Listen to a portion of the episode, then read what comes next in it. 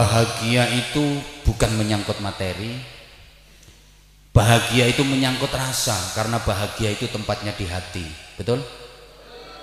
Banyak orang yang materinya berlimpah kekayaannya berlimpah tapi hatinya tidak bahagia. Saya ulang bahagia itu bukan menyangkut rasa tapi bahagia itu menyangkut eh kualik gara-gara sampean maskeran kabel aku malah bingung. Saya ulang ya. Bahagia itu bukan menyangkut materi tapi bahagia itu menyangkut rasa. Karena bahagia tempatnya di hati. Banyak orang yang materinya berlimpah tapi hatinya tidak bahagia. Maka sesungguhnya Satuan kekayaan itu bukan rupiah. Satuan kekayaan itu bukan dolar, bukan real, bukan pound sterling, bukan euro. Tapi satuan kekayaan itu adalah hati. Allahumma sholli ala Muhammad. Assalamualaikum warahmatullahi wabarakatuh. Bismillahirrahmanirrahim. Alhamdulillahilladzi amarana bittiba'i millati Ibrahim hanifa. Wassalatu wassalamu ala Sayyidina wa maulana Muhammadinil Mustafa Wa ala alihi wa ashabihi ahli sidqi wal wafa amma ba'du. Bapak Kiai, para sesepuh yang kita taklimkan Ibu Hajah Hartati sekalian Bapak Haji Suroto bersama keluarga besarnya termasuk Bu Lurah yang sangat saya hormati. Bapak, Ibu dan saudara-saudaraku semuanya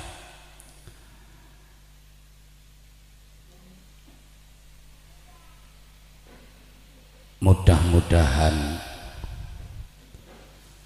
acara yang diselenggarakan oleh keluarga besar Ibu Hajah Hartati ini menjadi wasilah.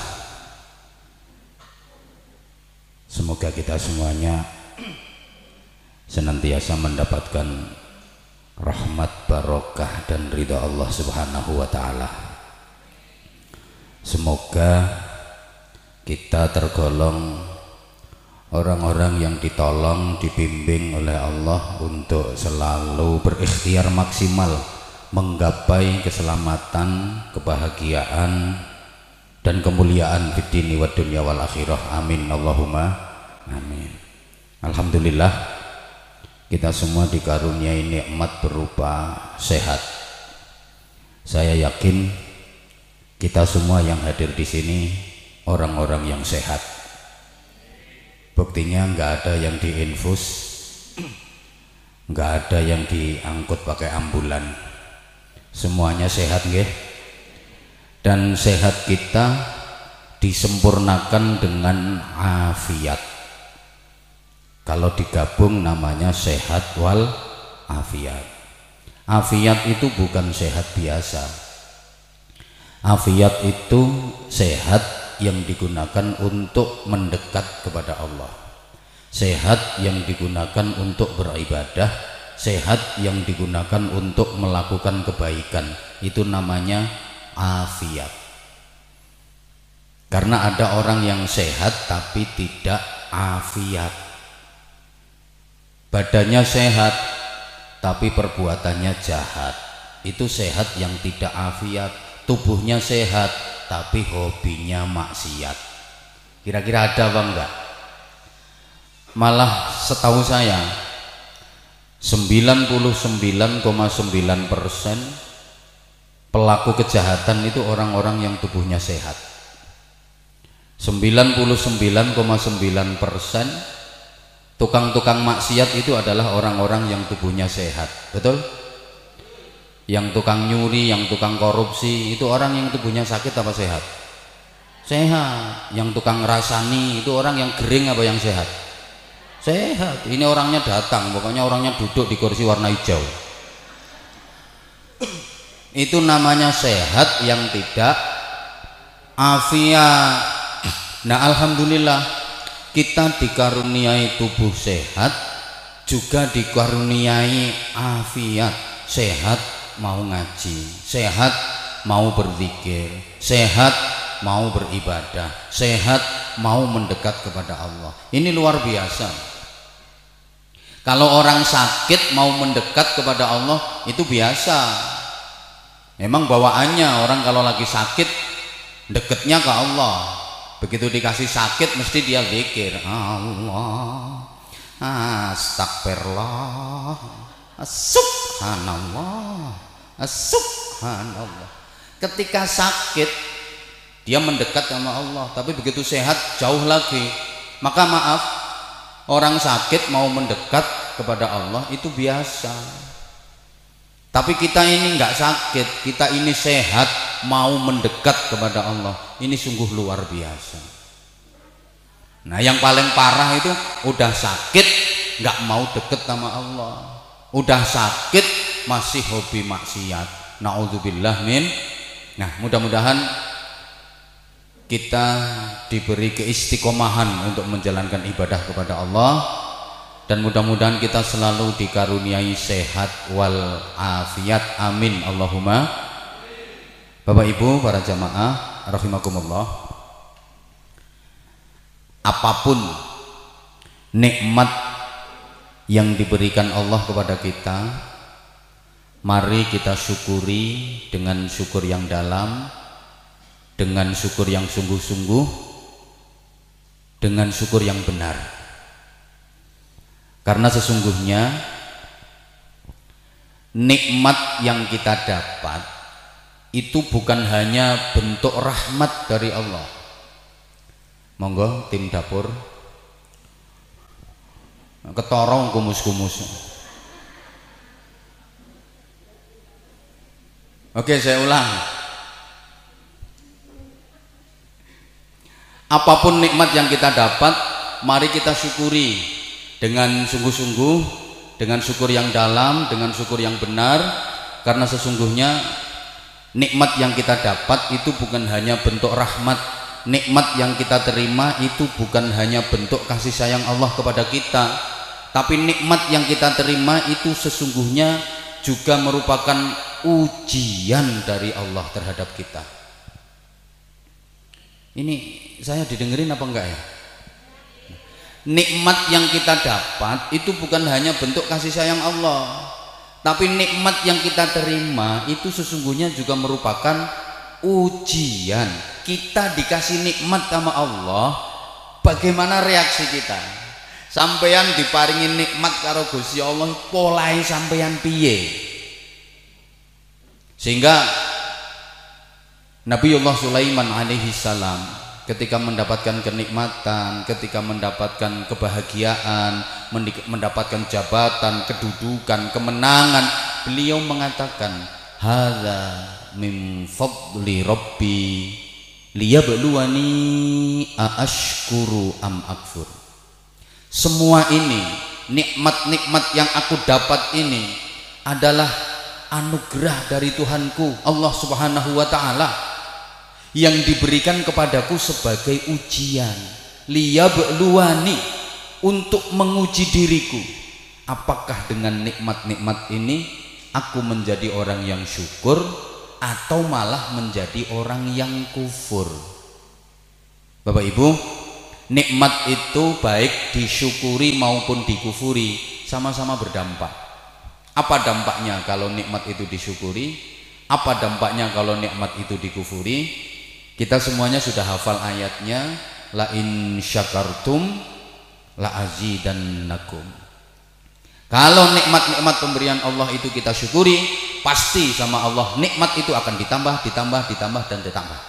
Makin nikmat, makin nikmat, makin nikmat, makin seneng, makin seneng, makin seneng, makin enak, makin enak, makin enak, makin bahagia, makin bahagia, makin bahagia.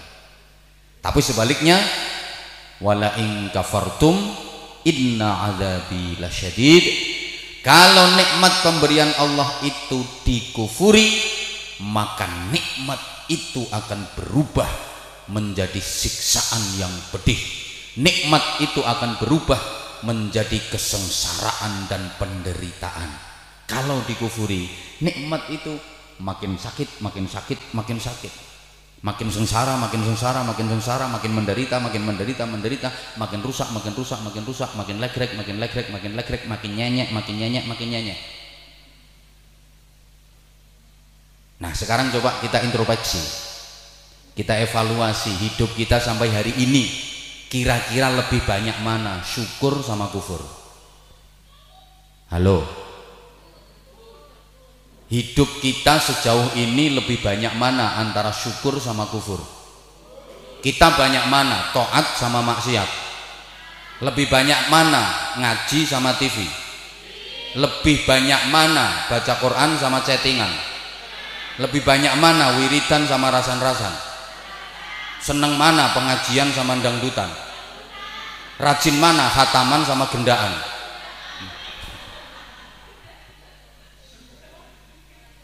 Maka salahkan diri kita sendiri kalau hidup kita tidak bahagia.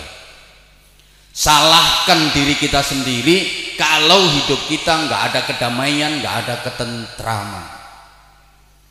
Allahumma sholli ala Muhammad nah Bapak dan Ibu kita tentu pengen bahagia betul tapi banyak orang yang salah pengertian banyak yang menganggap bahagia itu kalau materi berlimpah. Mohon maaf, bahagia itu bukan menyangkut materi. Bahagia itu menyangkut rasa karena bahagia itu tempatnya di hati. Betul? Banyak orang yang materinya berlimpah, kekayaannya berlimpah, tapi hatinya tidak bahagia. Saya ulang, bahagia itu bukan menyangkut rasa tapi bahagia itu menyangkut eh kualik. Gara-gara sampean maskeran kabel aku malah bingung. Saya ulang ya bahagia itu bukan menyangkut materi tapi bahagia itu menyangkut rasa karena bahagia tempatnya di hati banyak orang yang materinya berlimpah tapi hatinya tidak bahagia. Maka sesungguhnya satuan kekayaan itu bukan rupiah. Satuan kekayaan itu bukan dolar, bukan real, bukan pound sterling, bukan euro. Tapi satuan kekayaan itu adalah hati. Allahumma sholli ala Muhammad. Allahumma sholli ala Muhammad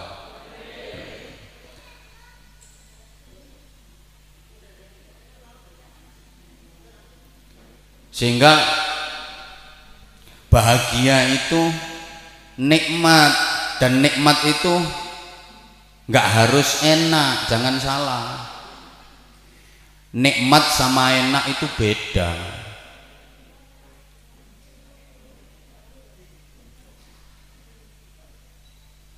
Embo.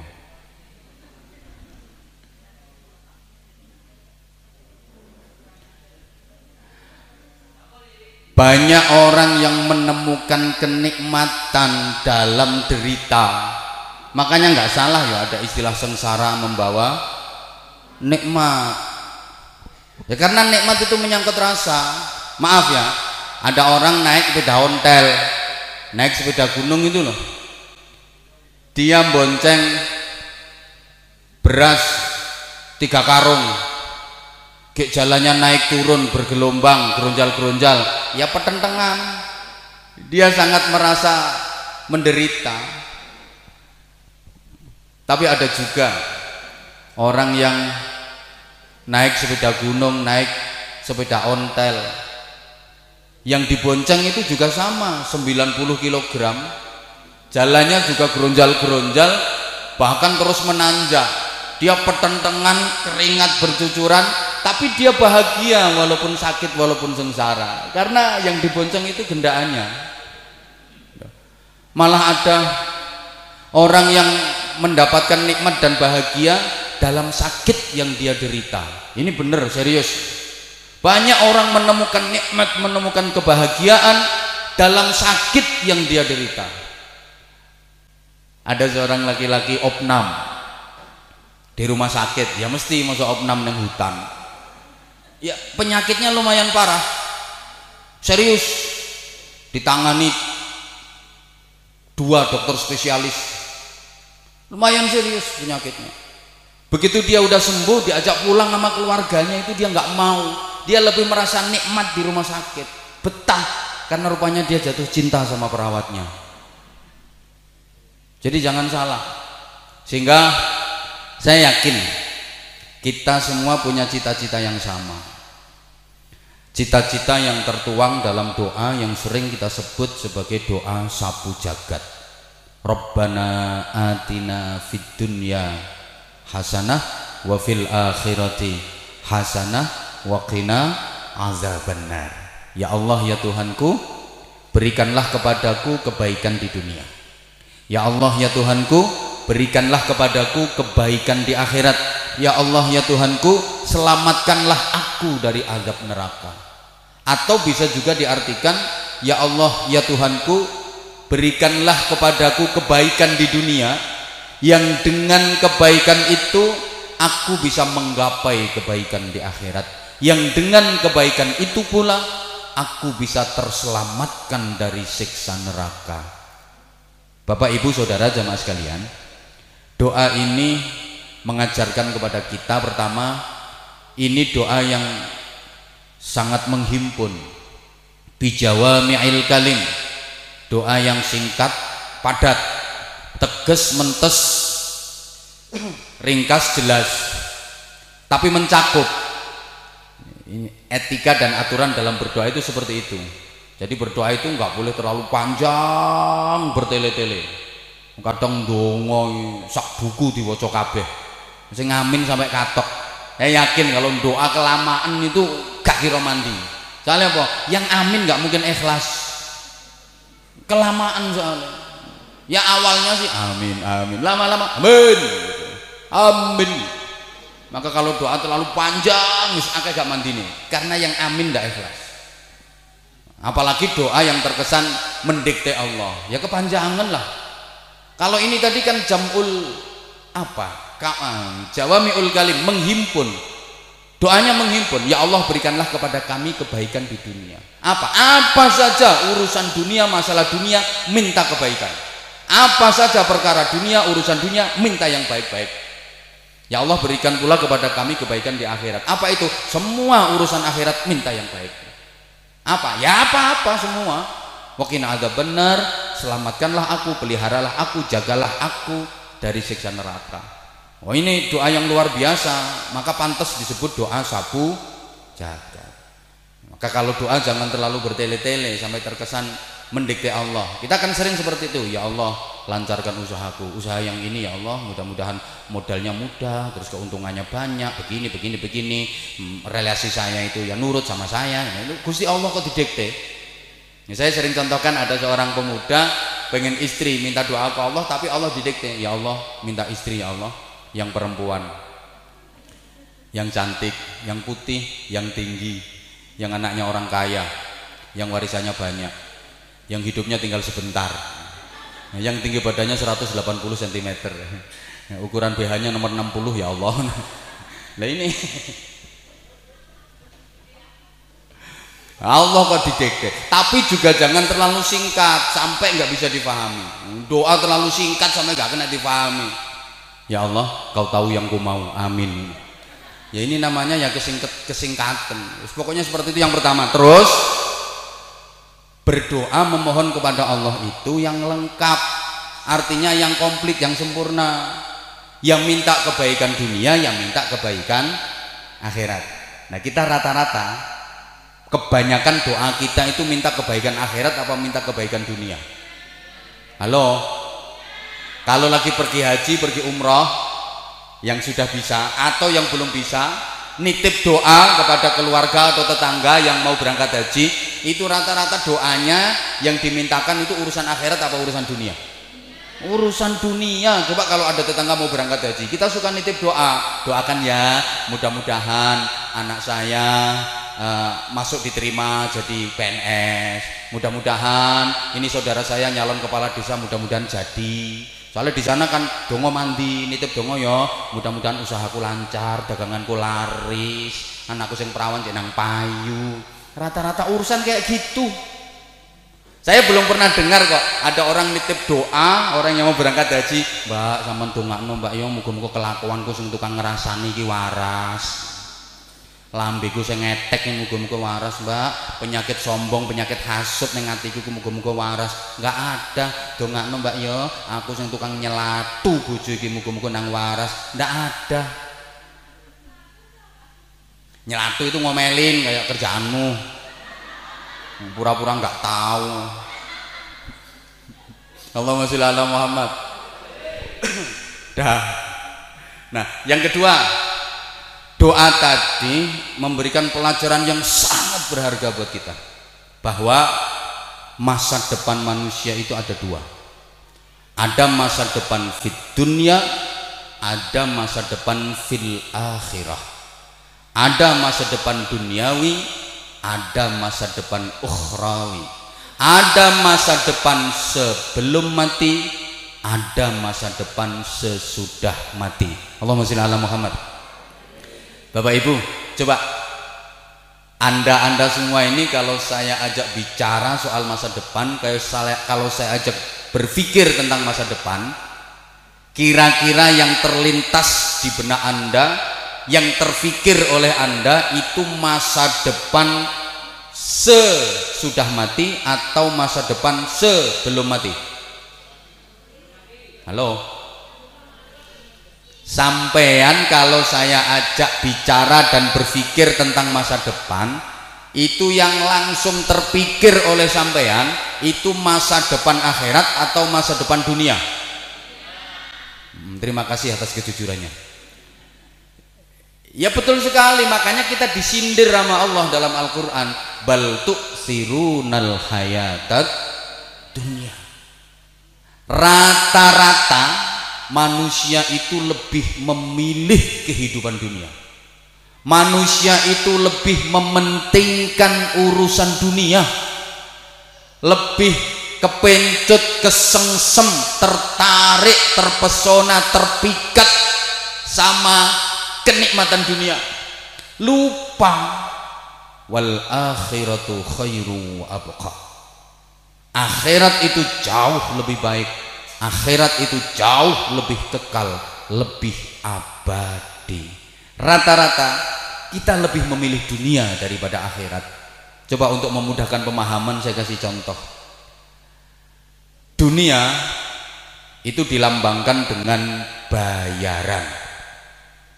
Akhirat dilambangkan dengan ganjaran Ayo, kira-kira kita lebih tertarik sama ganjaran apa sama bayaran?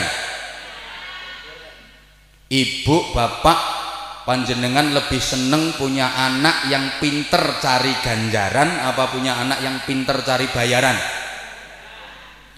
Di masyarakat sini ukuran kesuksesan seseorang orang dianggap berhasil dianggap sukses itu kalau dia pinter cari ganjaran atau pinter cari bayaran Misalnya Bapak Ibu punya anak perempuan cantik banget, cantik. Saking cantiknya di sini nggak ada. Cantik banget. Terus dilamar sama dua pemuda. Yang satu pemudanya pinter cari ganjaran, yang satu pemudanya pinter cari bayaran. Kira-kira yang diterima jadi menantu yang pinter cari ganjaran apa yang pinter cari bayaran? Punya menantu dua. Coba kira-kira bapak ibu lebih bangga mana? Punya menantu dua yang satu menantunya pinter cari ganjaran jadi ustadz. Satu menantunya pinter cari bayaran jadi pejabat. Kira-kira kalau lagi kumpulan PKK arisan macam-macam itu yang dicerita-ceritakan yang dibangga-banggakan menantunya yang jadi ustadz apa yang jadi pejabat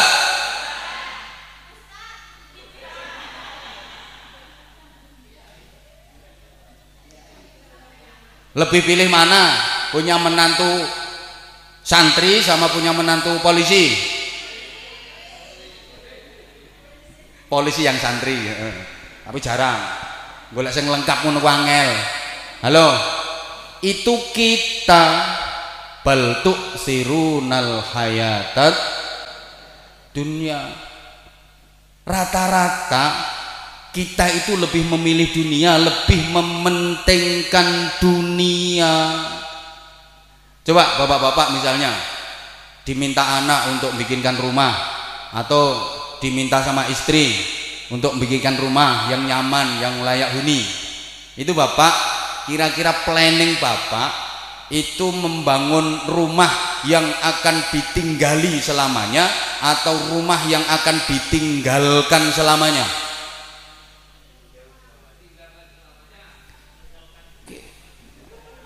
Halo. Yang jenengan planning, yang sampean rencanakan itu kalau diminta istri atau diminta anak untuk bangun rumah, itu kira-kira rumah yang akan ditinggali selamanya atau rumah yang akan ditinggalkan selamanya?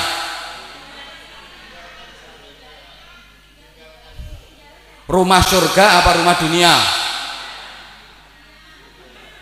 Ya dua-duanya yang benar. Ya rumah dunia, ya rumah surga. Nggih. Halo? Ya rumah dunia, ya rumah surga. Oke, sekarang saya tanya, rumah dunia sama rumah surga itu lebih indah mana? Lebih mewah mana? Lebih megah mana? Tapi anggaranmu untuk membangun lebih banyak rumah yang mana?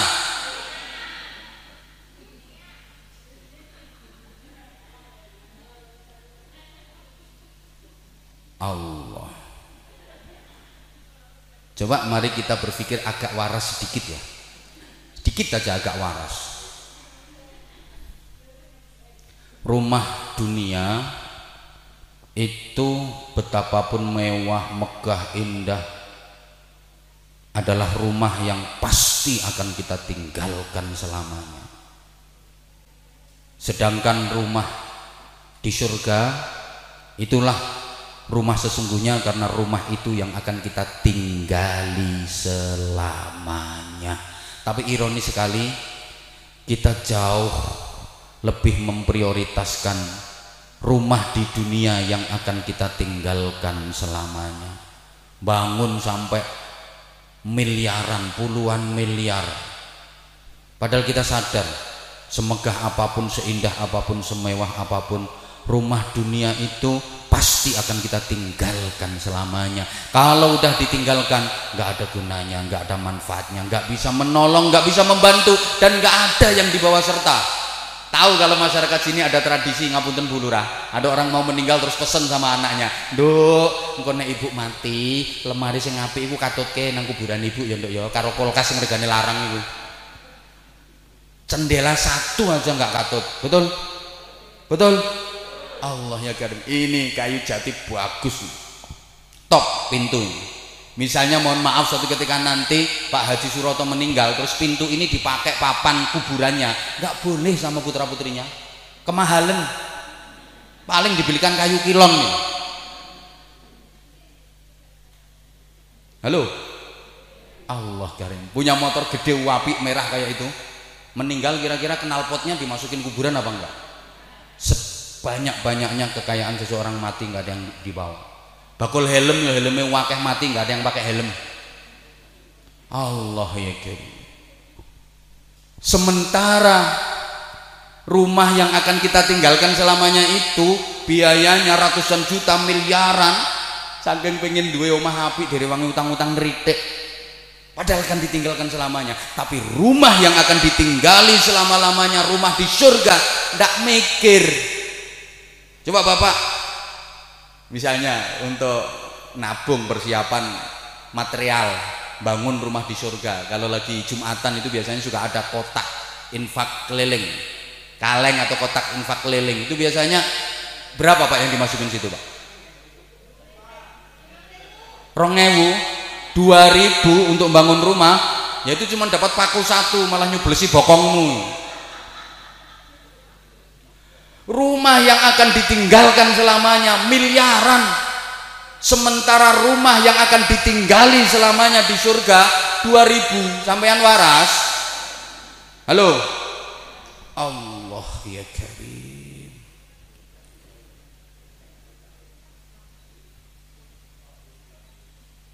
Allahumma salli ala Muhammad. Allahumma salli ala Muhammad. Masya Allah dah Bapak Ibu dan jamaah sekalian Oke, biar nggak terlalu lama. Loh ini bukan pengajian umum. Kalau pengajian umum satu jam setengah, ini kan pengajian nggak pati umum. Tiga jam ini kontrakannya berapa? Oke, ada lagi satu ayat yang sangat menohok kita, menusuk kita. Walal akhiratu khairul laka minal ula. Dan sungguh akhirat bagimu jauh lebih baik daripada dunia. Bapak Ibu Saudara jamaah sekalian ada sebuah teskis atau taruhlah realisasi simbolik dari ayat ini. Ngerti porang itu kang masak diomongin ini.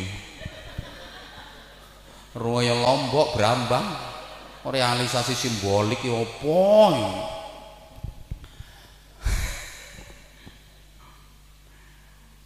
Salah satu panggilan dalam azan subuh itu ada kalimat as-salatu khairum minan naum. Salat itu lebih baik daripada tidur. Oke, ini juga ekspresi dari ayat walal akhiratu khairul laka minal ula. Akhirat itu lebih baik daripada dunia. Sholat itu lebih baik daripada tidur. Sholat simbol akhirat, tidur simbol dunia. Tapi ada enggak di antara kita yang prinsipnya dibalik? An-naumu khairum minas sholat. Tidur lebih baik daripada sholat. Ada enggak yang seperti itu? Yang kalau enggak mau jawab, di antara kita ketika mendengar azan subuh, kira-kira lebih sering mana? Langsung bangun menuju ke masjid untuk sholat berjamaah atau masih melungker, masih mancal kemul. Allah ya karim. Berarti itu kan an-naumu khairum minas sholat. Tidur lebih baik daripada sholat. Dunia lebih baik daripada akhirat. Buktinya kita lebih memilih tidur daripada sholat. Apalagi sholat subuh itu sholat yang paling berat. Betul? Kita setiap hari diabsen sama Allah.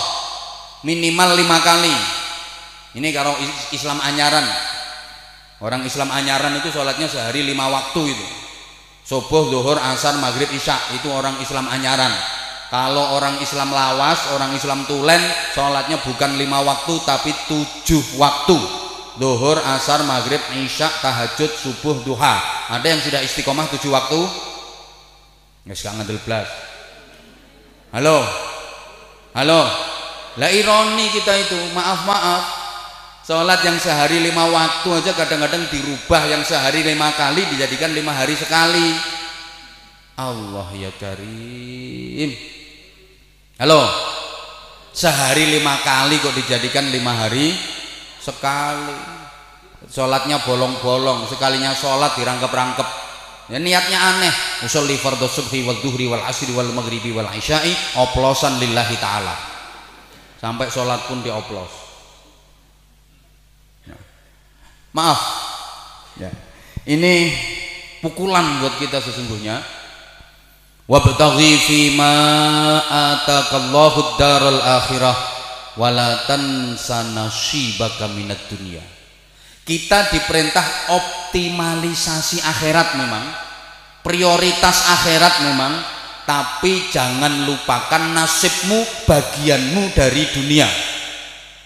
Allahumma sholli ala Muhammad ibu bapak para jamaah kalau orang sepuh dulu itu menggambarkan akhirat itu padinya dunia itu rumputnya. Akhirat itu ibarat padi dunia itu ibarat rumput. Artinya bagaimana? Siapa yang sungguh-sungguh menanam padi pasti rumput akan ikut tumbuh sapa wonge sing tenanan nandur pari mesti katutan suket. Parine panen sukete katut. Sapa wonge sing serius ngelakoni akhirat pasti dapat pahala rahmat barokah ridha Allah. Akhirat dunyone katut.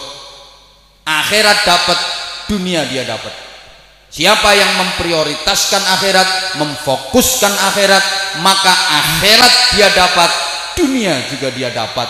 Nanam padi, katutan rumput. Paham? Paham? Tapi siapa yang hanya fokus konsentrasi sungguh-sungguh nanam rumput saja, jangankan panen padi, rumput yang dia tanam pun belum tentu bisa tumbuh seperti yang diharapkan. Orang kalau hanya donyo, donyo, donyo, donyo, duit, duit, duit, duit, duit, akhiratnya nol. Kebahagiaan dunia nggak mungkin dia dapat, mungkin dia kaya, tapi nggak ada ketentraman, nggak ada kedamaian, nggak ada keberkahan. Kalau nggak percaya, silahkan adakan penelitian ilmiah kehidupan dunia orang-orang yang memfokuskan hidupnya untuk akhirat. Saya ulang, silahkan adakan penelitian ilmiah. Bagaimana kehidupan dunianya orang-orang yang memfokuskan hidupnya untuk akhirat pasti tercukupi. Contoh kiai. Nggak ada kiai yang sarah cari kerja. Tapi kecukupan rumah ada mobil ada ya rumah bagus mobil ya punya istri rata-rata cantik. Makan juga enak walaupun dikasih orang duit ya ada aja. Nggak ono kiai ketakraan golek kerja itu nggak ada. Sini ada kiai golek bekecot. Kiai nyuluh kodok. Nggak ada. Tapi kehidupan dunianya dijamin sama Allah. Ntar belakangan tak terangkan ini kalau waktunya cukup. Nggak cukup ya kapan-kapan ngundang lagi. Orang ini nggak masuk agenda. Kemarin saya waktu ngaji bareng sama anak-anak ditelepon sama beliau Bu Haja Hartati.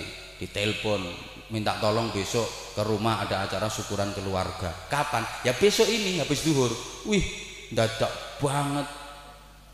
Mau nggak tak terima aku yuk biasa ngasih sumbangan ke anak yatim. Walaupun udah tiga bulan atau empat bulan ini nunggak maka ini harus didobeli.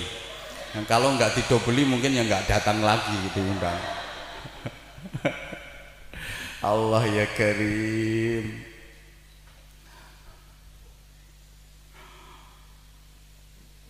Jadi apa tadi? Akhirat itu ibarat padinya, dunia itu ibarat rumputnya. Kalau serius nanam padi mesti katutan rumput. Tapi kalau hanya fokus nanam rumput, jangankan panen padi, rumput pun belum tentu bisa tumbuh seperti yang diharapkan. Allahumma sholli ala Muhammad. Ibu bapak para jamaah saudara sekalian Islam bukan berarti anti dunia. Jangan salah. Maka kita harus pandai dalam menyikapi bagaimana menyikapi dunia bagaimana menyikapi akhirat.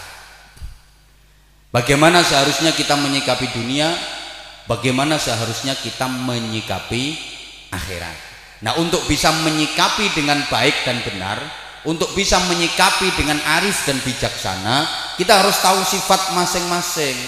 Bagaimana sifatnya dunia Bagaimana sifatnya akhirat. Para jamaah Dunia itu sifatnya hanya mungkin. Sedangkan akhirat sifatnya pasti. Saya ulang Dunia itu hanya kemungkinan sedangkan akhirat adalah kepastian. Diulang dunia itu sifatnya mungkin. Jadi apa pun yang akan terjadi dalam kehidupan dunia kita mulai sekarang sampai nanti kita mati itu nggak ada yang pasti. Semuanya hanya mungkin mungkin dan mungkin. Apa pun yang akan terjadi dalam kehidupan dunia kita mulai hari ini sampai nanti kita mati itu hanya kemungkinan-kemungkinan saja. Nggak ada yang kepastian makanya kita kalau mau melakukan apa pun mengerjakan apa pun disuruh bilang insya Allah kalau Allah menghendaki. Karena kita punya rencana belum tentu terjadi. Hanya mungkin saja. Jika mau ngapain aja disuruh bilang insya Allah. Insya Allah bulan depan mau renovasi rumah. Harus insya Allah. Karena itu hanya kemungkinan. Mungkin iya, mungkin enggak, mungkin terjadi, mungkin gagal. Insya Allah tahun depan saya akan berangkat umroh kalau pandeminya udah hilang. Insya Allah tujuh bulan lagi akan mantu. Harus insya Allah. Kenapa sekali lagi? Karena itu hanya kemungkinan. Kita punya rencana mateng, bisa jadi gagal kalau Allah tidak menghendaki betul betul dunia ini nggak ada yang pasti maka sesungguhnya kita nggak boleh ngomong pasti pasti pasti untuk sesuatu yang belum kita alami. Harus insya Allah. Kalau Allah menghendaki. Karena mungkin iya mungkin enggak mungkin berhasil mungkin gagal. Sehingga saya pesan Bapak Ibu kalau anda punya anak kelas 6 SD pinter berprestasi ranking siji jenius. Ini harus selalu didoakan. Karena anak sampean belum tentu lulus. Boleh jadi pas ujian akhir di smackdown temennya mati anakmu. Sampean punya anak. Udah semester akhir kuliahnya. Udah selesai KKN udah selesai skripsi. Didoakan. Belum tentu itu jadi sarjana padahal KKN udah skripsi udah belum tentu jadi sarjana. Boleh jadi hari H mau diwisuda mau menyandang titel sarjana dia udah make upan cantik banget. Berangkat ke kampus naik motor 50 meter. Mau nyampe kampus tinggal 50 meter mau nyampe kampus. Eh sepeda motornya ngambung bokong bokongnya teleler bris meninggal. Halo. Dunia ini hanya mungkin. Ada muda-mudi cowok cewek pacaran udah bertahun-tahun. 10 tahun pacaran. Belum tentu jadi suami istri. Betul? Ayo sekarang yang jadi suami sampean yang jadi istri sampean itu dulu alternatif keberapa gak percaya. Sing alternatif pertama ya akeh gagale yang sudah jadi suami istri belum tentu rumah tangganya bahagia. Betul? Kadang-kadang senengnya cuma di permulaan ketika masih dianggap sebagai bulan madu. Setelah itu yang datang bulan-bulan empedu. Apalagi kalau nikmatnya sudah dikredit lebih dulu. Begitu nikah sudah jemu gaweannya padu omongannya saru wagu. Udah nggak lucu tidak seindah waktu itu apalagi ibu-ibu kalau anaknya sudah tujuh. Betul kelihatan layu. Diperhatikan malah lebih cantik pembantu. Wes gak duwe untu akhirnya pasang untu palsu. Sejak omong-omong adep-adepan abape mambu. Ada orang punya cita-cita pengen punya rumah sendiri. Udah lama dia nikah belum punya rumah nabung nabung nabung dan nabung. Pengen punya rumah sendiri. Tabungan mencukupi bangun rumah jadi rumahnya. Belum sempat dihuni baru pasang instalasi listrik. Hmm, dia nyoba ngeliat-ngeliat listrik pegang-pegang kesetrum mati punya cita-cita rumah tiga lantai. Bisa bangun rumah tiga lantai. Rumah jadi. Begitu nyoba naik ke lantai dua terpeleset jatuh mati. Menabung untuk hari tua. Biar nanti di masa tua tinggal menikmati. Tabungan dapat banyak ternyata belum sampai tua sudah mati. Kadang-kadang belum mati sudah kena komplikasi. Dengan semua makanan yang digemari nggak berani mengkonsum si ketemu sate dihindari yang dicari malah ikan teri. Keasinan dikit tensinya tinggi makan cumi-cumi alergi makan sambal goreng ati asam urat kambuh lagi. Kasih minum kemanisan minta ganti karena udah punya pabrik gula sendiri. Cuci darah seminggu dua kali. Li istri masih cantik udah disfungsi erek si. Meskipun dijamoni tetap nggak bisa berdiri oh iki larang ini. Ngarange sing suwe. Eh, dunia ini hanya mungkin. Tapi kalau akhirat pasti. Mati pasti. Hidup lagi sesudah mati pasti. Alam barzah pasti. Siksa dan nikmat kubur pasti. Adanya surga dan neraka pasti.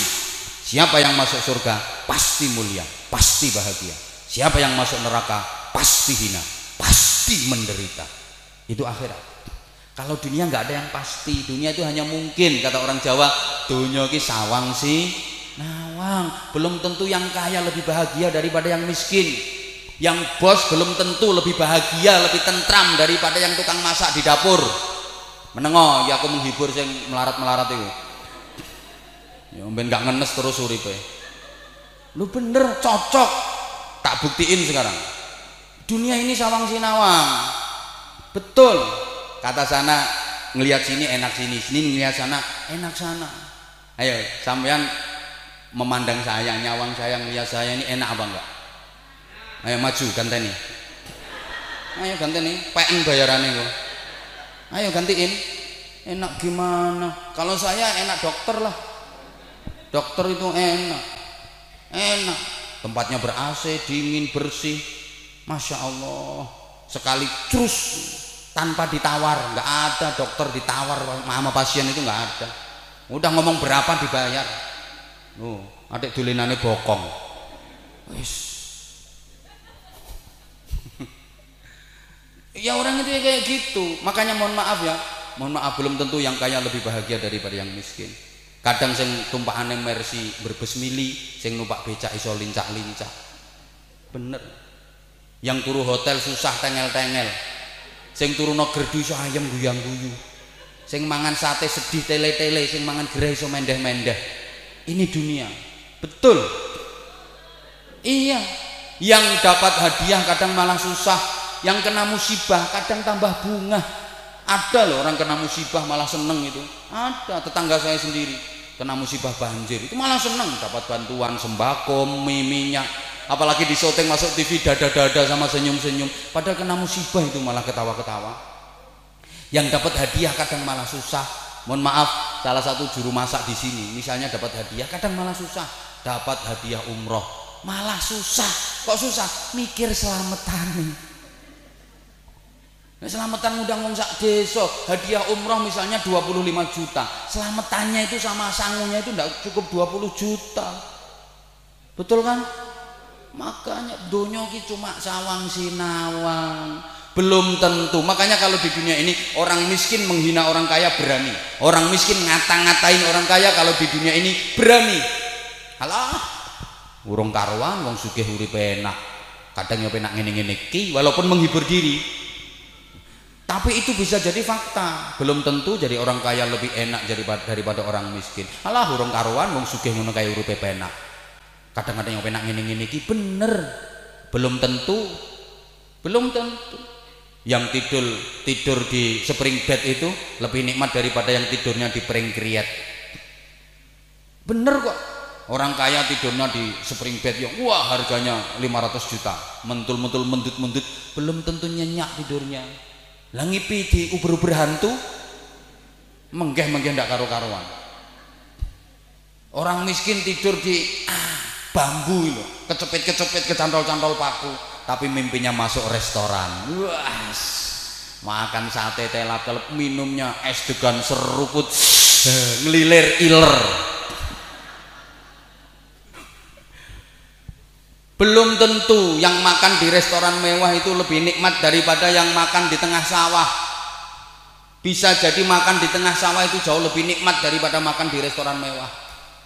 Lah ya makan di restoran mewah sama makan di tengah sawah bisa nikmat di tengah sawah. Makan di tengah sawah kalau nggak mikir utang tenang. Wis pokoknya lawe cuman ikan teri sama sambal terasi ente-entean turah sambele tambah segone turah segone tambah sambele turah sambele tambah segone turah segone tambah sambele. Entek-entekan segone sik lauknya habis. Hmm, ciduk kelinet wong ngisor hmm, nikmatnya nggak karuan. Kampleng nggak kerosok makan di restoran mewah dengan menu yang lengkap lux bisa jadi keselak baru dua sendok dia telan. Sendokan ketiga keselak karena dia dengar dari belakang ada orang batuk. Batuk eh persis wong sing diutangi kayaknya pengalaman ditagih hutang. Eh, itu dunia. Makanya sekali lagi di dunia orang miskin berani ngatain orang kaya. Belum tentu jadi orang kaya lebih bahagia daripada orang miskin. Tapi kalau di akhirat nggak bisa. Di sana ada kepastian. Di akhirat masuk neraka nggak berani menghina yang masuk surga. Di akhirat nggak bisa masuk neraka mau ngata-ngatain yang masuk surga. Lah belum tentu di surga lebih enak daripada di neraka. Oh, masuk neraka nggak apa-apa. Permulaannya sih panas sakit. Lama-lama biasa nanti kalau udah adaptasi. Neraka kok adaptasi? Di sana ada kepastian. Di sini cuma ada kemung.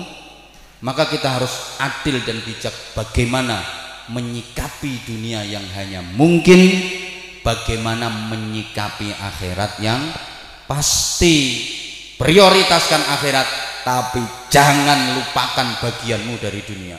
Makanya sak tingkai wong mukmin seluruh aktivitas hidup seorang mukmin itu diniati akhirat pahala tapi nggak lupa dunianya.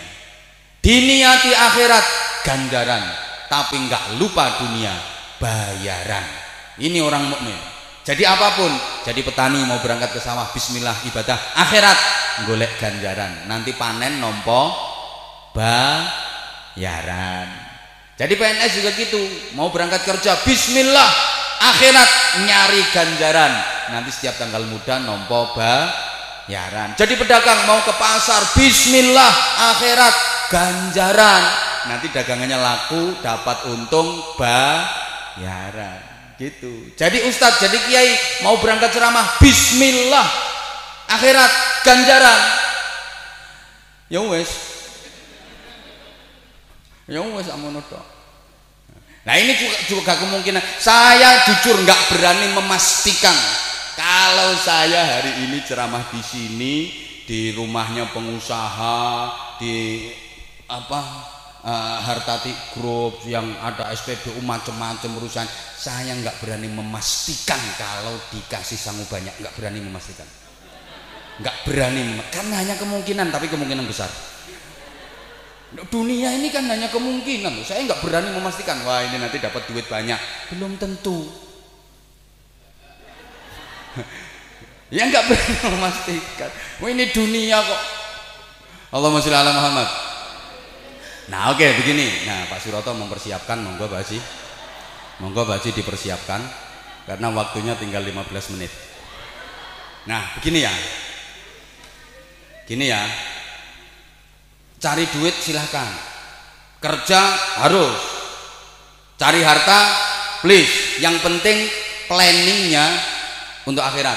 Karena akhirat adalah tujuan utama sedangkan dunia adalah tujuan antara diulang akhirat itu tujuan utama sedangkan dunia adalah tujuan antara. Islam bukan anti dunia Islam bukan anti harta Islam bukan anti duit. Siapa sih yang nggak suka sama duit? Semua yang hadir di sini seneng sama duit betul? Apa pun profesinya kalau sama duit seneng. Dokter kalau sama duit seneng. Pegawai bea cukai kalau sama duit seneng. Sopir kalau sama duit seneng tukang syuting kalau sama duit. Seneng tukang sound system itu kalau sama duit. Seneng kiai kalau sama duit. Ya gak usah tiga pol ngono kok. Lah iyalah. Islam bukan anti harta bukan anti duit. Tapi yang penting planningnya akhirat. Begini ya. Dulu zaman Rasulullah ada seorang laki-laki itu yang hidupnya di masjid. Dia nggak pulang-pulang dari masjid. Udah dia nggak mikir kerja dia nggak mikir dunia. Dia udah melepaskan diri dari hiruk pikuknya dunia. Wes gak mikir donyo gak mikir duit pokoknya. Di masjid hidupnya. Iktikaf sholat dikir iktikaf sholat dikir iktikaf sholat dikir. Hari-harinya dijalani seperti itu. Dia sama sekali nggak mikirin dunia dia bahkan melepaskan diri dari hiruk pikuknya dunia. Fokus hidupnya hanya akhirat akhirat dan akhirat. Hidupnya di masjid terus. Iktikaf sholat dikir iktikaf sholat dikir. Top memang dia ibadah akhiratnya. Kalau digambarkan ya untuk memudahkan pemahaman. Uh dia sholat itu luar biasa. Top. Baru takbiratul ikhram itu sampai melungker melungker Allahu Akbar bacaannya fasih Allah bilang habis fatihah itu yang dibaca lama banget. Semua surat Al-Quran yang dia hafal dibaca. Habis fatihah dia baca surat yasin.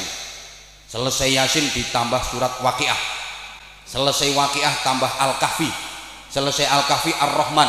Selesai ar-rahman tabarok al-mulk tambah juz amma. Sampai minal jinnati wan nas hafalan Qur'annya habis masih kurang lama hadis-hadis dibaca. An Abi Hurairah radhiyallahu anhu qala qala Rasulullah sallallahu alaihi wasallam hafal hadis cuma 15 masih kurang panjang. Ditambah lagi proklamasi kami bangsa Indonesia dengan ini menyatakan kemerdekaan Indonesia. Hal-hal yang mengenai pemindahan kekuasaan dan lain-lain diselenggarakan dengan cara seksama dan dalam tempo yang sesingkat-singkatnya. Jakarta 17 Agustus 1945 atas nama bangsa Indonesia Soekarno-Hatta. Masih kurang lama sumpah pemuda kami putra dan putri Indonesia. Ah, Ruko itu dia 75 menit entah apa yang dibaca. Sup sup sup sup sup sup, sup.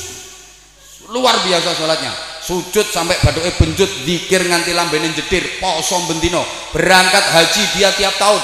Umroh itu seminggu lima kali. Nah, bisa rumahnya Mekah.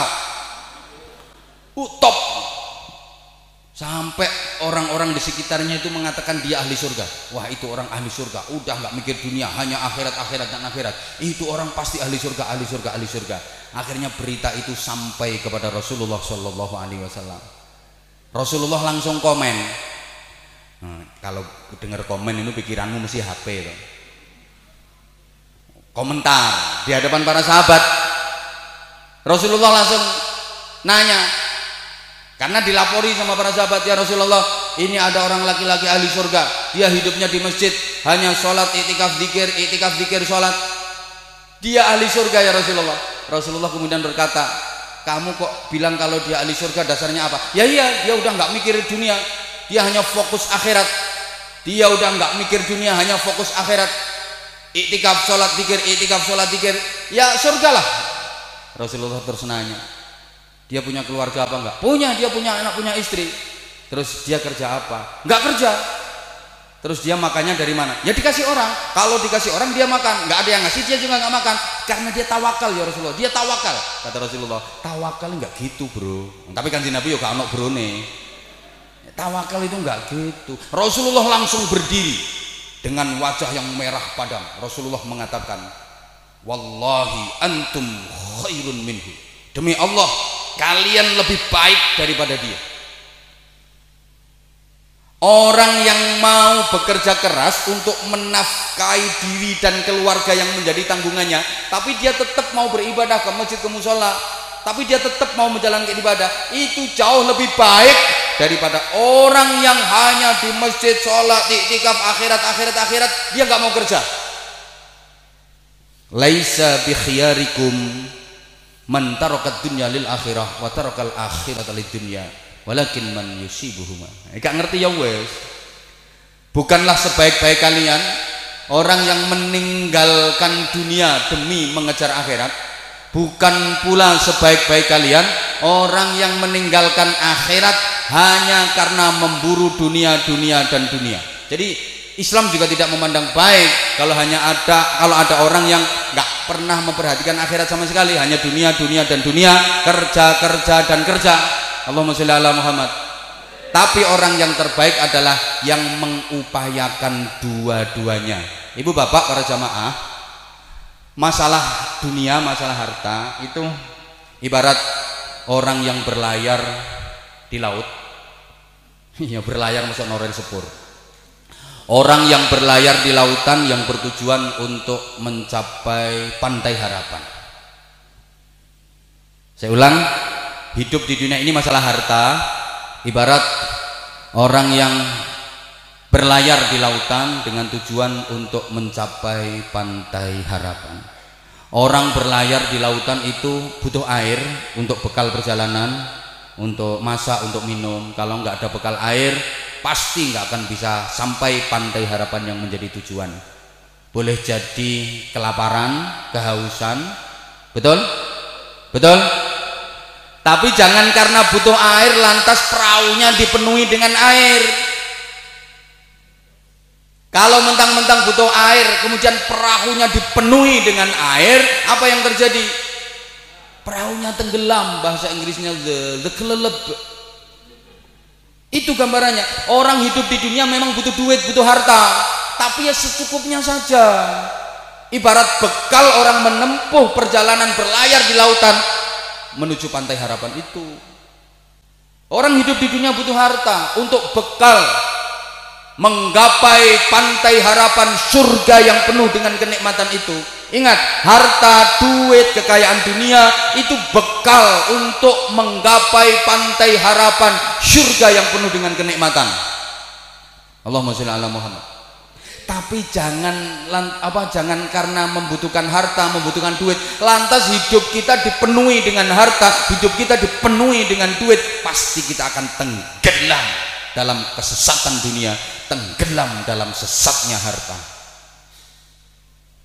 nah, zaman melarat rasa melung rumah no iki kanggo wong suge-suge iki Lu banyak loh orang yang tenggelam dalam sesatnya harta mohon maaf dia punya harta banyak tapi nggak bisa menikmati Justru dia diperbudak dan disiksa oleh hartanya. Mohon maaf. Banyak orang yang hartanya berlimpah tapi nggak bisa menikmati, malah dia disiksa dan diperbudak oleh hartanya sendiri. Ngapunten, ngapunten. Maka saya sering banget sampaikan, hidup ini bukan tentang apa yang bisa kita dapatkan, tapi hidup ini tentang apa yang bisa kita rasakan.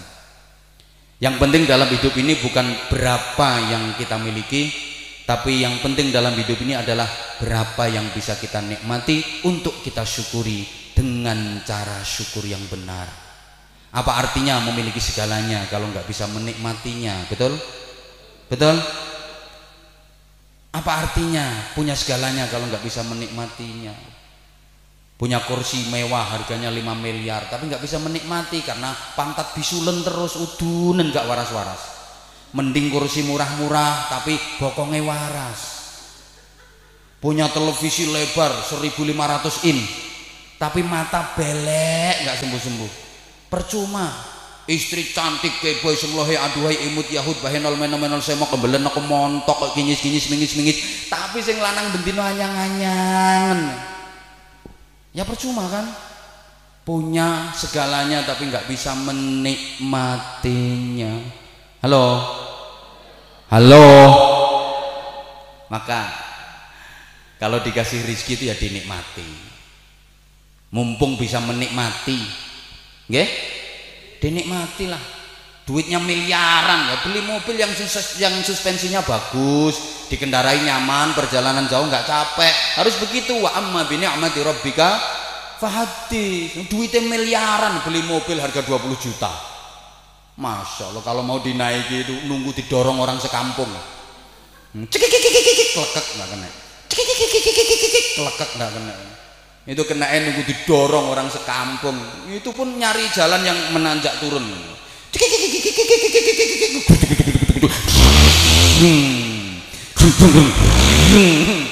Kena begitu kena gasnya dipitik prokotok prokotok prokotok prokotok. Dipakai belok itu pintunya buka sendiri gelodak. Sepion dipasang plastik. Tangkinya ganti jirigen. Duitnya miliaran duit banyak ya sekali-kali apa melancong ke luar negeri ngono loh urip kok ngutek pati urip model apa? Hidup sekali nggak pernah naik pesawat. Pak wong lanang model apa? Hidup cuma sekali nggak pernah ketemu pramugari. Yes. pramugari cantik-cantik pak. Mulus-mulus gak kayak ngono-ngono ku wis sampean bendino ketemu bojo jembauris burek-burek. Gak bosen ya sekali-kali refreshing hidup cuma sekali nggak dinikmati naik pesawat ketemu pramugari ngono loh ntar kalau pandeminya udah selesai pergi haji umroh menikmati Jangan hanya sibuk mencari tapi nggak sempat menikmati. Ada kok orang kayak gitu hanya sibuk mencari nggak sempat menikmati. Penjual nasi pecel, sibuk cari duit, cari untung, sibuk. Ada itu penjual nasi pecel hanya sibuk mencari nggak sempat menikmati. Sibuk melayani pembeli tapi dia nggak sibuk makan sendiri, nggak sempet makan sendiri. Akhirnya jualan nasi pecelnya habis tapi habis itu ya berangkat masuk ICU Halo. Halo. Dinikmati. Jangan sampai kita tersiksa oleh harta. Ada nggak orang kayak gitu? Orang kampung-kampung itu, wah, tujuannya sih duitnya dikembangkan katanya. Punya duit 300 juta, beliin sapi semua. Dapat sapi 20 ekor, dirawat sendiri. Uh, lihat gantengan sapinya daripada orangnya. Betul nggak? Ya, dia udah mandiin sapinya padahal dirinya sendiri belum mandi. Allah ya kira kalau malam itu sapinya dijaga jangan sampai digigit nyamuk, dia rela mempersembahkan tubuhnya untuk nyamuk. Lu bener itu. Allah ya karim. Punya duit uh ratusan juta. Beli sawah beli sawah beli sawah. Sawahnya puluhan hektar. Digarap dewi. Delok resik sawahe timbang raine. Sawahe resik bersih raine rumbuk kaya alas. Allah ya Karim. Yaitu nah termasuk menikmati harta. Tolong perhatikan. Termasuk menikmati harta disedekahkan oke saya tanya sampeyan semua seneng sama duit apa enggak? Jangan munafik. Seneng sama duit apa enggak? Cinta sama duit apa enggak? Buktikan cintamu sama duit itu. Buktikan cintamu sama duit. Artinya apa? Bawa terus jangan sampai pisah orang cinta kan nggak mau pisah betul? Kalau memang sampean cinta harta kalau memang anda cinta duit buktikan cintamu itu jangan sampai hartamu dan duitmu pisah dengan kamu kalau kamu pisah dari hartamu dan duitmu berarti itu nggak cinta namanya bawa serta sampai ke akhirat caranya sedekahkan hmm. jadi orang yang cinta harta itu cirinya apa? Dia nggak mau pisah dengan hartanya. Gimana supaya hartanya nggak pisah? Disedekahkan. Sorry. Kok mau menang loh modelnya yang bahas sedekah? Harta yang dimakan, yang dipakai rusak, habis ceritanya, selesai, betul? Yang ditabung, yang disimpan, belum tentu itu hak kita, belum tentu itu milik kita. Kadang-kadang itu miliknya dokter. Sorry Pak Dokter. Lah iyalah, nabung bertahun-tahun dapat duit banyak ternyata itu nyimpen duitnya dokter orang punya duit ratusan juta akhirnya kena penyakit macam-macam komplikasi operasi semua bayar semua. Halo? Halo? Yang resmi milik kita sampai akhirat nggak akan pisah dengan kita itu adalah yang disedekahkan. Allahumma sholli ala Muhammad. Eh mbok gak kok. Itu yang resmi milik kita. Sampai akhirat nanti pahalanya berlipat ganda. Harta yang kita sedekahkan itulah sesungguhnya harta kita. Ibu bapak jamaah rahimakumullah yang terakhir. Udah satu jam lebih mohon maaf banget. Saya maghrib harus nyampe Bojonegoro karena ini nanti malam ada kegiatan juga di pesantren. Terus besok pagi jam 8 itu Disnatalis Universitas Islam Negeri Wali Songo Semarang jadi saya mohon maaf kalau baca ngajinya nggak bisa maksimal karena jenengan bantu kami juga kurang maksimal. Jadi ya itu memang semuanya diatur sama Allah seperti itu. Jadi jadi nanti kalau maksimal ya saya juga maksimal. Ya oke gini ya. Lo kok putrinya yang jawab? Oke oke gini gini. Kita kita ini akan boyongan. Ya ini ini ada informasi ya kita ini akan boyongan dari dunia pindah ke surga. Kok nggak amin sih kayaknya? Kok nggak pengen? Rencana sampean ke surga itu jadi apa enggak oh ya jadi. Ya nggak apa-apa. Rencana kok. Sampai sana atau enggak itu kan urusan nanti. Ya kita semua ini akan boyongan dari dunia menuju ke surga. Oke oke. Kita akan boyongan dari dunia menuju ke surga. Lah orang boyongan itu pertama yang dipikirkan apa? Harus punya tempat. Jangan sampai waktu boyangan udah deket belum punya tempat. Nanti mau tinggal di mana? Ya Allah. Ibarat maaf ya putrinya Bu Hajah ini yang sekarang masih tinggal di Medan. Kalau punya cita-cita suatu ketika boyongan ke Jawa ya itu harus mempersiapkan diri. Kalau udah mau boyongan harus punya tempat di Jawa sini. Harus ada tanah untuk bangun rumah harus ada rumah untuk tempat tinggal. Caranya gimana? Ya transfer. Halo? Ya transfer. Duit dari Medan transfer ke Jawa. Untuk beli tanah di Jawa sini. Untuk bangun rumah di Jawa sini. Eh mbok gak tiga kok. Lo udah punya tanah udah ada bangunan rumah belum cukup harus ada perabot-perabot kelengkapan. Ya harus ada kamar mandinya harus ada dapurnya ada peralatan dapurnya ada macem-macem. Pengen nyaman juga harus punya kendaraan. Woi. Woi. Allah ya karim. Sama kita mau boyongan ke surga. Harus punya tempat di sana harus kapling tempat di sana.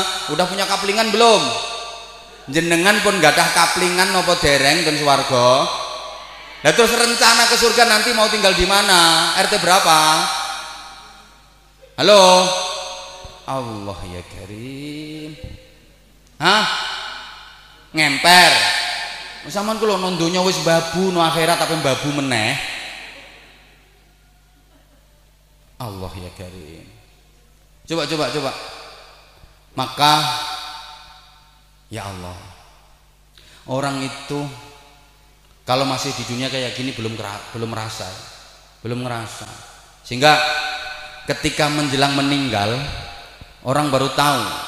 Itu ayat yang sering kita baca wa anfiqu mimma razaqnakum min qabli an ya'tiya ahadakumul maut fayaqula rabbi laula akhartani فيقول ربي لولا أخرتني إلى أجل قريب فأصدق وأكن من الصالحين dan infakkanlah dari sebagian rizki pemberian Allah kepadamu sebelum datang kepada kamu kematian kalau kematian sudah datang pasti kamu akan meraung-raung menghibah mohon kepada Allah agar ditunda kematian itu barang sekejap Ya Allah ya Tuhanku jangan kau cabut nyawaku saat ini ya Allah ya Tuhanku.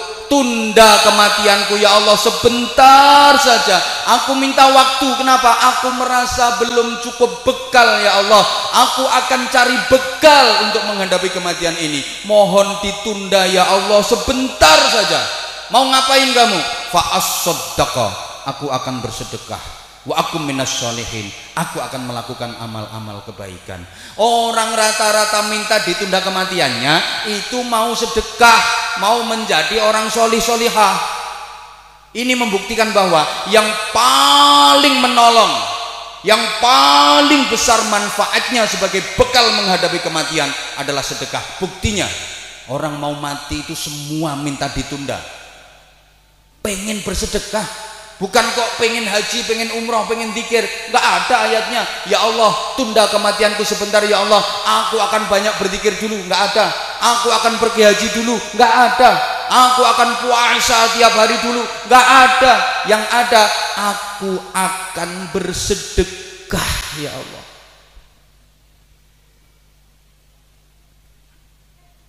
Dan ajaibnya, harta itu kalau disedekahkan nggak akan habis nggak ada ceritanya orang kaya jadi miskin gara-gara bersedekah. Betul? Nggak ada ceritanya. Orang kaya hartanya habis gara-gara menyantuni anak yatim gara-gara bersedekah. Nggak ada ceritanya. Justru malah makin berkah makin berkah makin berkah makin berkah. Karena semua manusia itu tiap hari didampingi oleh dua malaikat yang dua-duanya berdoa. Malaikat satu berdoa Allahumma timunfiqan khalafa.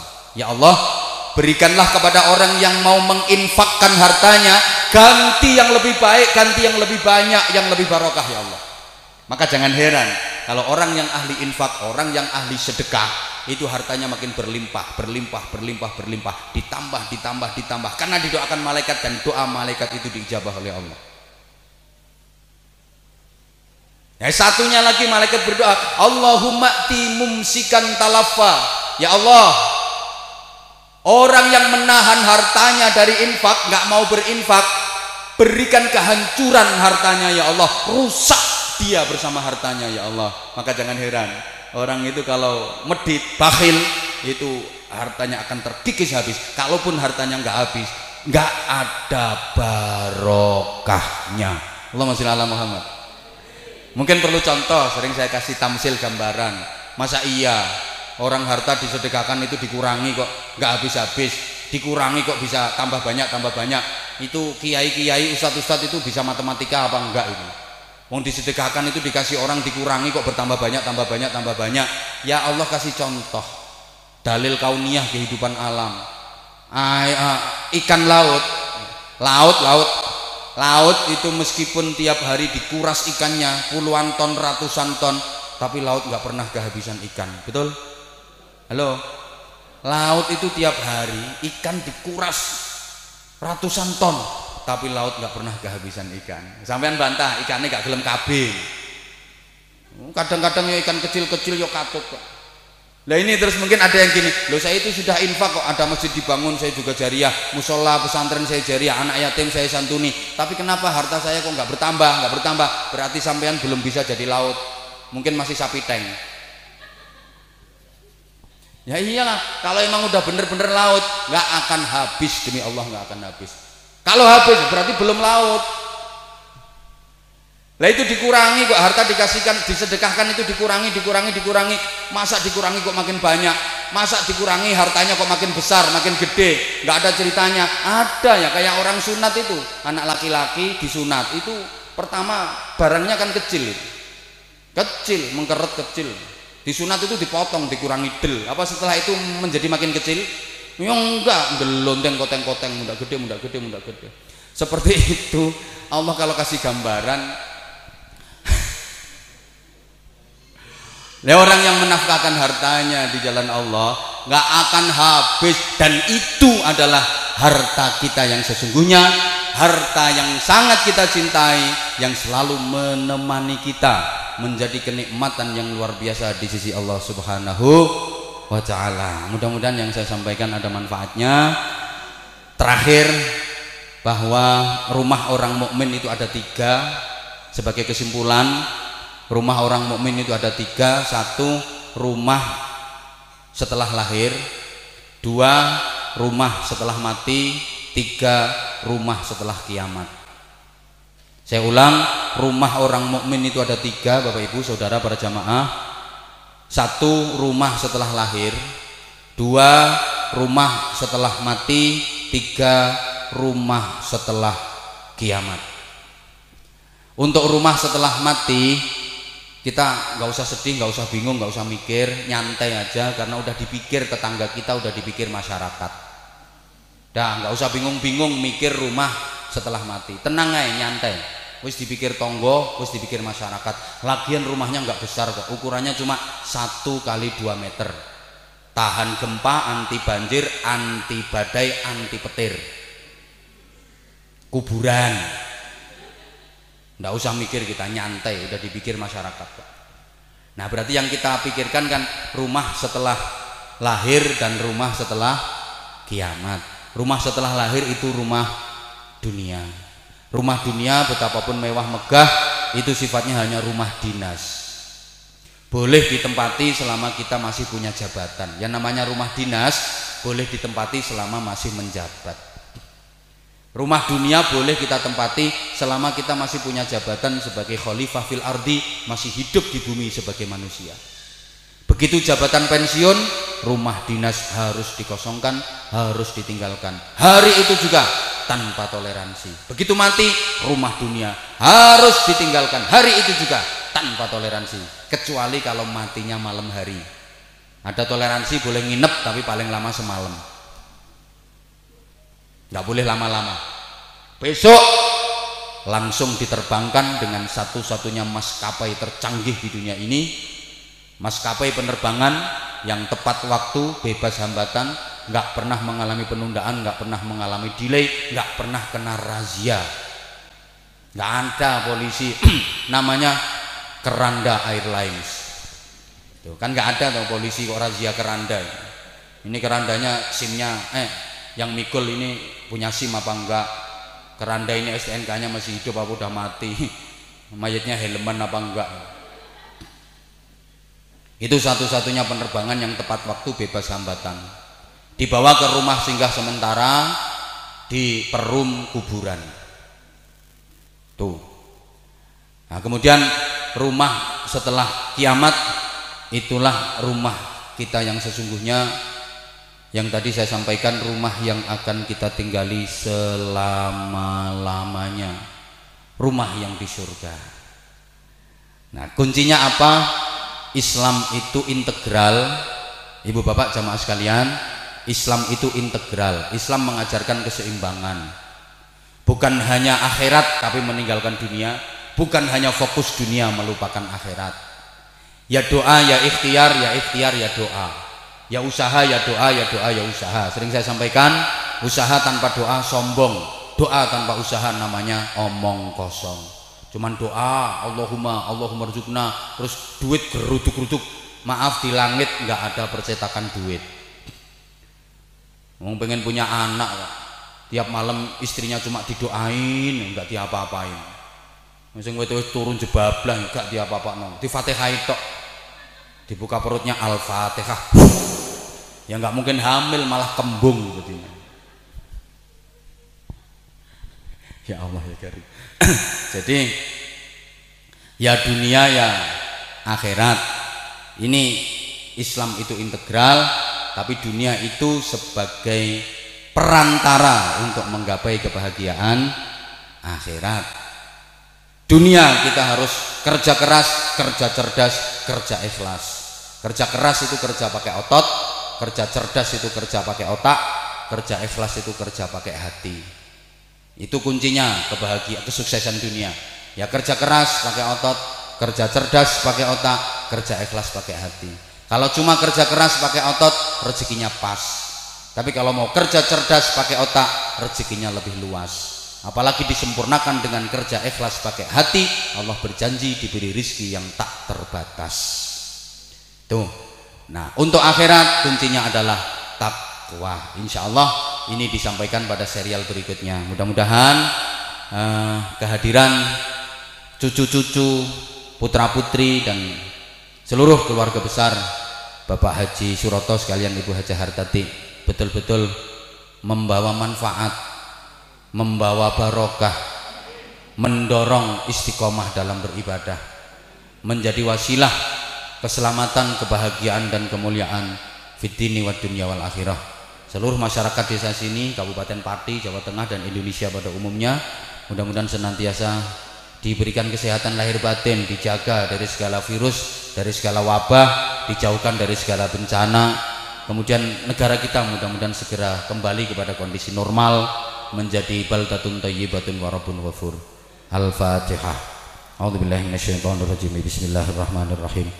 Alhamdulillahi rabbil alamin arrahmanir rahim maliki yaumiddin. Na'budu wa iyyaka nasta'in ihdinas siratal mustaqim. صراط الذين أنعمت عليهم غير المغضوب عليهم ولا الضالين. رب اغفر لي ولوالدي وللمؤمنين. آمين يا رب العالمين. اللهم صل على سيدنا محمد وعلى آله. سلم رضي الله تبارك وتعالى عن كل صحابة رسول الله أجمعين. الحمد لله رب العالمين. اللهم اجعل جمعنا جمعا مرحوما وصلتنا صلة مباركة. وتفرقنا من بعده تفرقا معصوما. اللهم إنك تعلم ذنوبنا فاغفرها وإنك تعلم عيوبنا فاسترها وإنك تعلم حاجاتنا فاقضها. كفى بك وليا وكفى بك نصيرا. اللهم ثبت إيماننا نور قلوبنا سلمنا في الدين والدنيا والآخرة. ربنا هب لنا من أزواجنا وذرياتنا قرة أعين واجعلنا للمتقين إماما. اللهم إنا نسألك الصحة والعافية والسلامة. والعفو والمعافاة الدائمة. اللهم إنا نعوذ بك من جهد البلاء ودرك الشقاء وسوء القضاء وشماتة الأعداء. اللهم إنا نعوذ بك من البرص والجنون والجذام ومن سيء الأسقام. اللهم لك الحمد ومنك الخرج وإليك المشتكى وأنت المستعان. وعليك البلاء ولا حول ولا قوة إلا بك. ربنا هب لنا من أزواجنا وذرياتنا قرة أعين واجعلنا للمتقين إماما واجعلنا للمتقين إماما واجعلنا للمتقين إماما. ربنا آتنا في الدنيا حسنة وفي الآخرة حسنة وقنا عذاب النار وقنا عذاب النار وقنا عذاب النار. وادخلنا الجنة مع الأبرار. برحمتك وفضلك يا عزيز يا غفار يا حليم يا ستار يا رب العالمين جزا الله عنا سيدنا محمد صلى الله عليه وسلم ما هو أهله فضل سبحان ربك رب العزة عما يصفون وسلام على المرسلين والحمد لله رب العالمين Terima kasih Bu Haji Hartati dan keluarga atas penghormatan dan sambutan kepada kami. Saya juga mewakili anak-anak yatim, mewakili keluarga pesantren matur suwun kepada Bu Hajah Hartati yang telah mendonasikan sebagian rizki pemberian Allah kepada anak-anak yatim di pesantren kami walaupun beberapa bulan ini telat.